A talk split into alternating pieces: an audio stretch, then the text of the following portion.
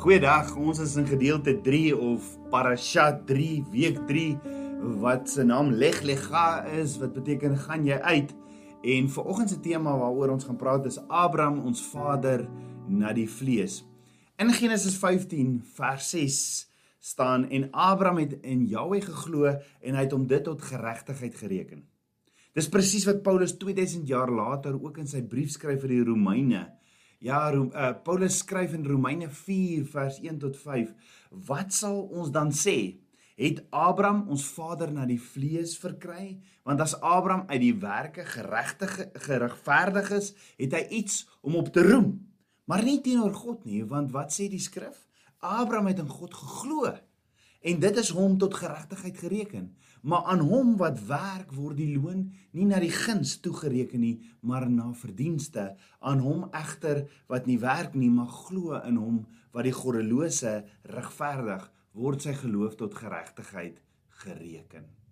Nou om te verstaan wat Paulus hier skryf, moet ons eers weet, Abba Vader het Paulus gekies om 13 boeke in die Nuwe Testament te skryf.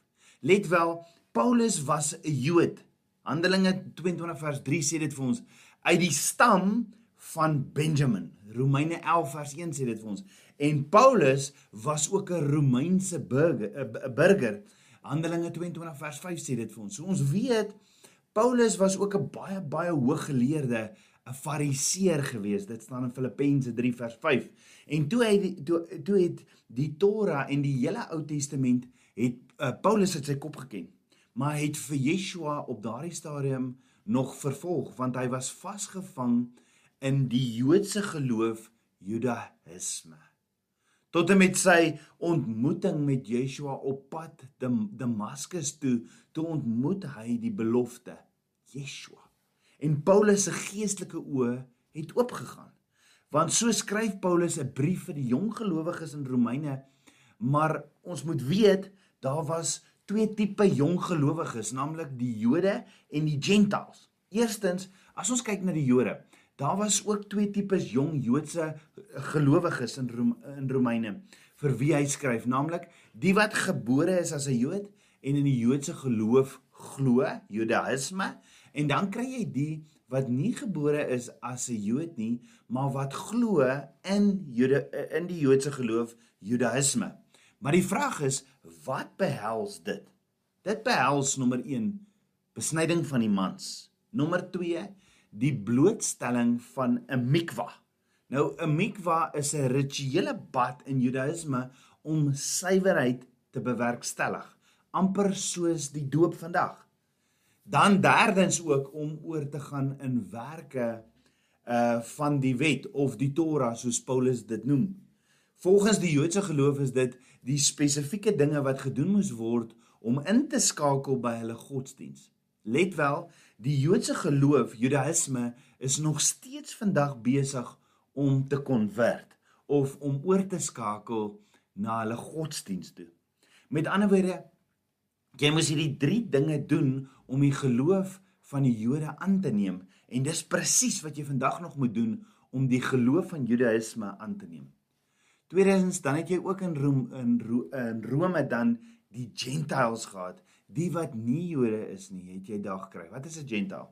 Gentiles in Hebreëus is melachim wat beteken 'n menigte of verskeidenheid van nasies. En daar was ook twee tipe Gentiles in Rome, naamlik die die Gentiles of nasies wat heidene is. Wat is 'n heiden? 'n Heiden is iemand wat buite verbond is met Abba Vader, wat afgode dien. Hulle wil niks met Abba Vader of met Yeshua te doen hê nie. Hulle aanbid ander gode en in Rome was dit eintlik onwettig vir iemand om nie die heidense afgode te aanbid nie, soos die uh, soos die songod ensovoorts. Maar die Joodse geloof het 'n wettige vrystelling gehad om nie die heidense afgode te aanbid nie. Dan nommer 2, die godvreesende Gentiles. So Paulus skryf ook sy brief aan die godvreesende Gentiles, die menigte nasies, die godvreesende nasies wat die geloof geneem het om die God van Israel, Abba Vader te aanbid en wat hulle afsonder van afgoderry. So Paulus skryf sy brief aan Romeine, aan eh, aan Romeine en en dis al hierdie gelowiges en Paulus skryf aan hulle sy siening of argumente oor sy evangelie wat spesifiek sê dat Godvreesende gentiles het nie nodig om Jode te word of het nie nodig om deur die rituele te gaan wat jy sou doen as jy die geloofse Joodse geloof Judaïsme sou aanneem nie. Met ander woorde, gentiles hoef nie byvoorbeeld te besny te word onder andere om in Yeshua ons verlosser te glo nie. Wat wat wat dit beteken is Godvreesende gentiles het nie nodig om Jode te word nie of om die rituele te doen van die godsdiens Judaïsme om gered te word nie. Net soos wat 'n Jood nie 'n gentile hoef te word om in Yeshua te glo as hulle verlosser nie. Nou in daardie tyd het hulle nie hierdie issue verstaan nie en vandag nog nie. En vandag 2000 jaar later is dit is dit redelik ehm um, handvoorliggend jy hoef nie deur hierdie Judaïsme rituele te gaan om Yeshua te aanvaar as jou verlosser om gered te word as 'n gentile nie. Maar as gevolg van al hierdie detail, poeh, is daar baie verwarring. Maar dis wat in Paulus se tyd in Paulus se tyd was dit ook 'n radikale idee en meeste mense het met Paulus verskil. Want onthou Paulus was 'n Jood. So toe hy mense tot bekering gedink het, hulle gedink dadelik, o, jete, ek moet besny word. Ek moet hierdie ek moet hierdie ehm um, mikwa doen en ek moet ek moet nou volgens die wet lewe want want omdat hy 'n Jood was, 'n Jood gebore, maar hy het na Yeshua se ontmoeting was hy nie meer in die geloof Judaïsme nie. Selfs van die apostels het nie saam met Paulus gestem nie. Dit was so kontroversieel dat selfs Lukas baie daaroor geskryf het in die boek Handelinge. Maar hoor gou-gou, hoe meer ek en jy verstaan wat Paulus vir die mense sê en met wie hy praat, hoe meer maak dit sin wat Paulus sê en leer. Veral as jy vandag kyk, dan sien jy meeste van die volgers van Yeshua is nie Jode nie. Maar onthou, Yeshua se evangelie het begin by 12 Jode. So dis moeilik vir ons om te verstaan hoekom dit in daardie tyd so kontroversieel was dat jy nie eers deur die Jode se rituele moes gaan om 'n disipel van Yeshua te wees nie. Want ek meen Yeshua was self 'n Jood en sy disippels. Die mense vir wie Paulus skryf in Romeine was met ander woorde vir die Joodse gelowiges en die proselite. Wat is 'n proseliet? Dis iemand wat van een godsdiens na 'n ander godsdiens soos Judaïsme toe kon konvert. Met ander woorde, Paulus skryf vir die Gentiles en die Jode wat Yeshua wil aanvaar as hulle verlosser en saligmaker dat hulle nie deur hierdie rituele hoef te gaan van Judaïsme om 'n disipel van Yeshua te word nie. Paulus sê byvoorbeeld in 1 Korintiërs 7 vers 17 tot 21, maar elkeen moet wandel net soos God hom dit toe bedeel het, soos Jahweh elkeen geroep het en so bepaal ek in al die gemeentes. Is iemand as 'n besnede geroep, hy moet die besnydenis nie laat verander nie. Is iemand as onbesnedes geroep, hy moet hom nie laat besny nie.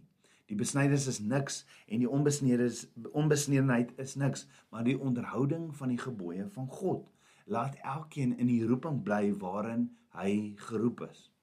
So ons gaan nou kyk wat Paulus in Romeine 4 skryf, maar voor ons daarna kyk, moet ons ook weet wat is Paulus se reël vir die bruid van Yeshua. Jy het ooit gehoor iemand praat van Paulus se reël? Ja, Paulus het 'n reël. As iemand ooit vir jou vra wat is Paulus se reël vir al die kerke, dan is dit as jy 'n Jood was toe jy 'n disipel geword het, dan bly jy 'n Jood. As jy 'n boer was toe jy 'n disipel geword het, dan bly jy mos maar nog steeds 'n boer. So hoekom sal Paulus so reël maak? Want Paulus sien gentaal gelowiges in Yeshua as 'n vervulling van profesie en die vervulling van dat Yeshua waarlik die Messias, die belofte is. Want die woord sê die gentiles, die enigste nasie of die, nie die enigste die menigte nasie sal na hom toe stroom. So kan ek gou vra as jy een vers kan noem wat die hele evangelie sal opnoem, watter vers sal dit vir jou wees? As jy een vers kan opnoem wat die hele evangelie verkondig, wat 'n vers sal dit wees? Dalk Johannes 3 vers 16 wat sê van so lief het God die wêreld gehad dat hy sy enige gebore seun gegee het sodat elkeen wat hom glo nie verlore mag gaan nie, maar die ewige lewe kan hê. Maar as Paulus praat van die een vers wat die hele evangelie opsom, dan is dit Genesis 22 vers 17 waar waar Vader vir Abraham sê in jou nageslag sal al die nasies van die aarde geseën word omdat jy na my stem geluister het. In jou nageslag sal al die nasies van die aarde geseën word omdat jy na my stem geshema het. Shema wat beteken Heer luister nou by. So Paulus sê die een vers wat alles opsom is in thy seed shall all the nations of the earth be blessed because thou hast obeyed my voice. Okay. As ons dit verstaan, moet ons ook die volgende verstaan. Paulus gebruik sekere terme vir die Joodse geloofstatus. Ja, so Judaïsme, hierdie hy gebruik sekere terme as hy praat van hierdie Joodse geloofstatus of iemand wat die godsdiens Judaïsme aangeneem het, want onthou nou weer, hulle het sekere rituele gehad, die geloof Judaïsme. So om te verduidelik wat noem jou ehm uh, om net prakties te raak of om te verduidelik, wat noem jou huis, jou jou kinders en jou familie, wat noem hulle Nesquik? Sommige mense of sommige huise as jy daar kom en as hulle vir jou vra, "Wil jy pink melk hê?" In my huis was as jy daar kom en selfs my broer en suster in hulle huise sal ons praat van melkie suitjies. As jy as jy my suster of my broer vra vir 'n bietjie melkie suitjies, gaan hulle presies weet waarvan jy praat. Maar gaan vra jy by Spar of jy loop elders by Pick n Pay in by Toonbank, hoor jy het hulle vir my melkie suitjies? Gaan hulle vir my bitter snaaks aankyk. Net so het Paulus ander name vir die godsdiens Judaïsme of die Joodse geloof gehad. Paulus gebruik die volgende terminologie vir Judaïsme status of Joodse godsdiens, naamlik Joods, wettige lede van die nasie van Israel of soos ons dit ken in Engels, legal members of the nation of Israel, besnydenis. Dan praat hy van die van 'n apostoliet in die wet. As hy praat van die in die wet, dan praat hy van Judaïsme of die onder die wet werke van die wet dan praat hy van die geloof Judaïsme. So Paulus gebruik hierdie terminologie vir mense wat die godsdiens van Jude, Judaïsme aangeneem het. OK, dit alles gesê, Paulus sê in Romeine 3 vers 28 tot 31 ons noem dus aan dat die mens geregverdig word deur die geloof sonder die werke van die wet of behoort God net aan die Jode en nie ook aan die heidene? Verkeerde is verkeerd vertaal. Die oorspronklike vertaling sê gentiles nie. Dis nie heidene nie, is verkeerd vertaal. Want die oorspronklike vertaling praat van gentiles. Ja ook aan die heidene verkeerdelik vertaal gentiles aangesien dit inderdaad een God is wat die besnydenis sal regverdig uit die geloof en die onbesnedenis deur die geloof maar ma maak ons dan die wet tot nie deur die geloof nee stellig nie inteendeel ons bevestig die wet. So wat beteken dit dat die mens geregverdig word nou weer? Dit beteken om regverdig voor Abba Vader te staan. Dit beteken nie ek het nie sonde nie maar dis wanneer ek voor Abba Vader staan en ek het al my sondes aan hom bely en gevra vir vergifnis So regverdig beteken nie dat jy sondeloos is nie. Dit beteken dat jy met geen sonde rondloop wat nie bely, vergewe en skoon gewas is nie. Soos Abba Vader se woord sê, iemand is 'n regverdige man, was dit nie gebaseer op enige groot dade of offers wat daardie persoon gedoen het nie. Nee, geregverdigheid is te vind in 'n vertroue op ons Skepper se goedheid en genade. Geregtigheid is 'n oorgawe aan Abba Vader se wil vir jou lewe. Geregtigheid is 'n oorgawe aan Abba Vader se wil. Vader, laat U wil my lewe. Dis dis 'n oorgawe om sy stem te hoor. Geregtigheid is om sy stem te shema wat beteken to hear listen nou by. Geregtigheid is om in verbond met Abba Vader te leef. Geregtigheid is om in jou wandel opreg te leef volgens sy woord. So Paulus sê Ons neem dus aan dat die mens geregverdig word deur die geloof in Yeshua sonder die werke van die wet. Jy sien meeste Jode glo dat 'n mens net geregverdig word deur om die Joodse godsdiens Judaïsme aan te neem. Net so is daar baie gelowe wat glo jy moet in 'n uh, institusionele verbintenis hê. Jy moet aan vandag in Suid-Afrika, jy moet aan 'n denominasie behoort om 'n verhouding te hê met Abba Vader.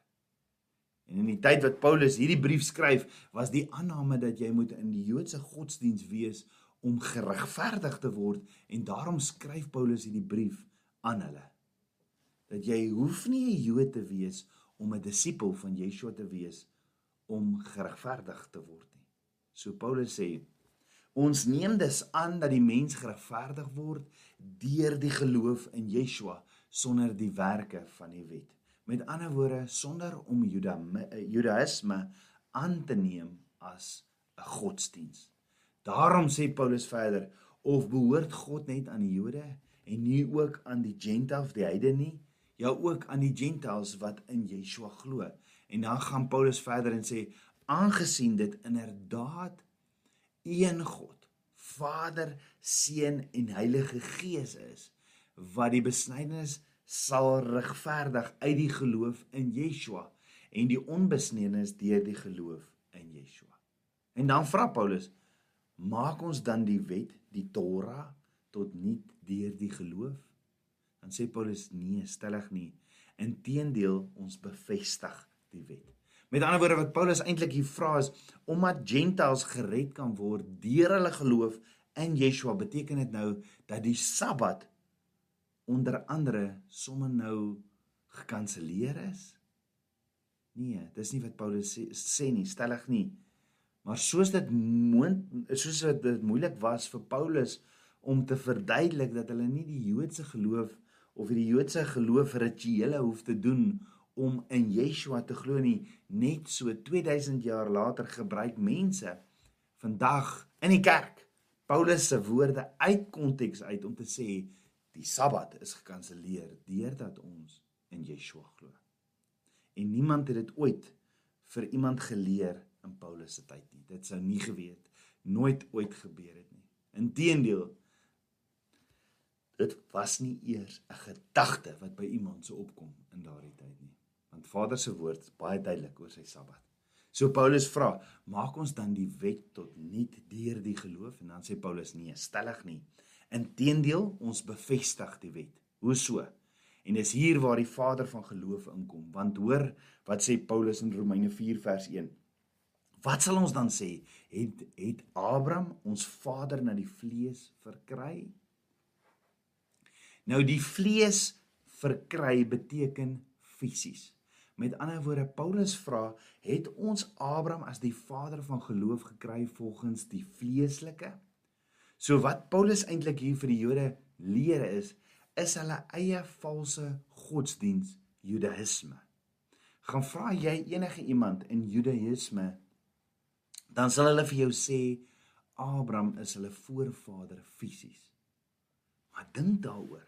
Maak dit sin? Kan die godsdiens Judaïsme dit sê? Nee. Want onthou proselite kan konvert word na Judaïsme, maar hulle is nie die oorspronklike fisiese nageslag van Abraham nie. So daar daar moet dan op een of ander manier 'n verbintenis wees met Abraham as die proseliet enigsins kan werk.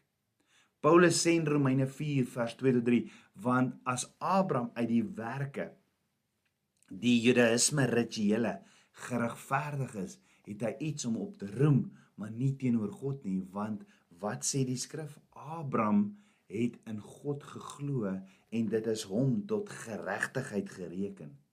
Abraham is geregverdig deur sy geloof en dit was alles lank voor hy nog besny is. Besnyding het eers later vir Abraham gekom.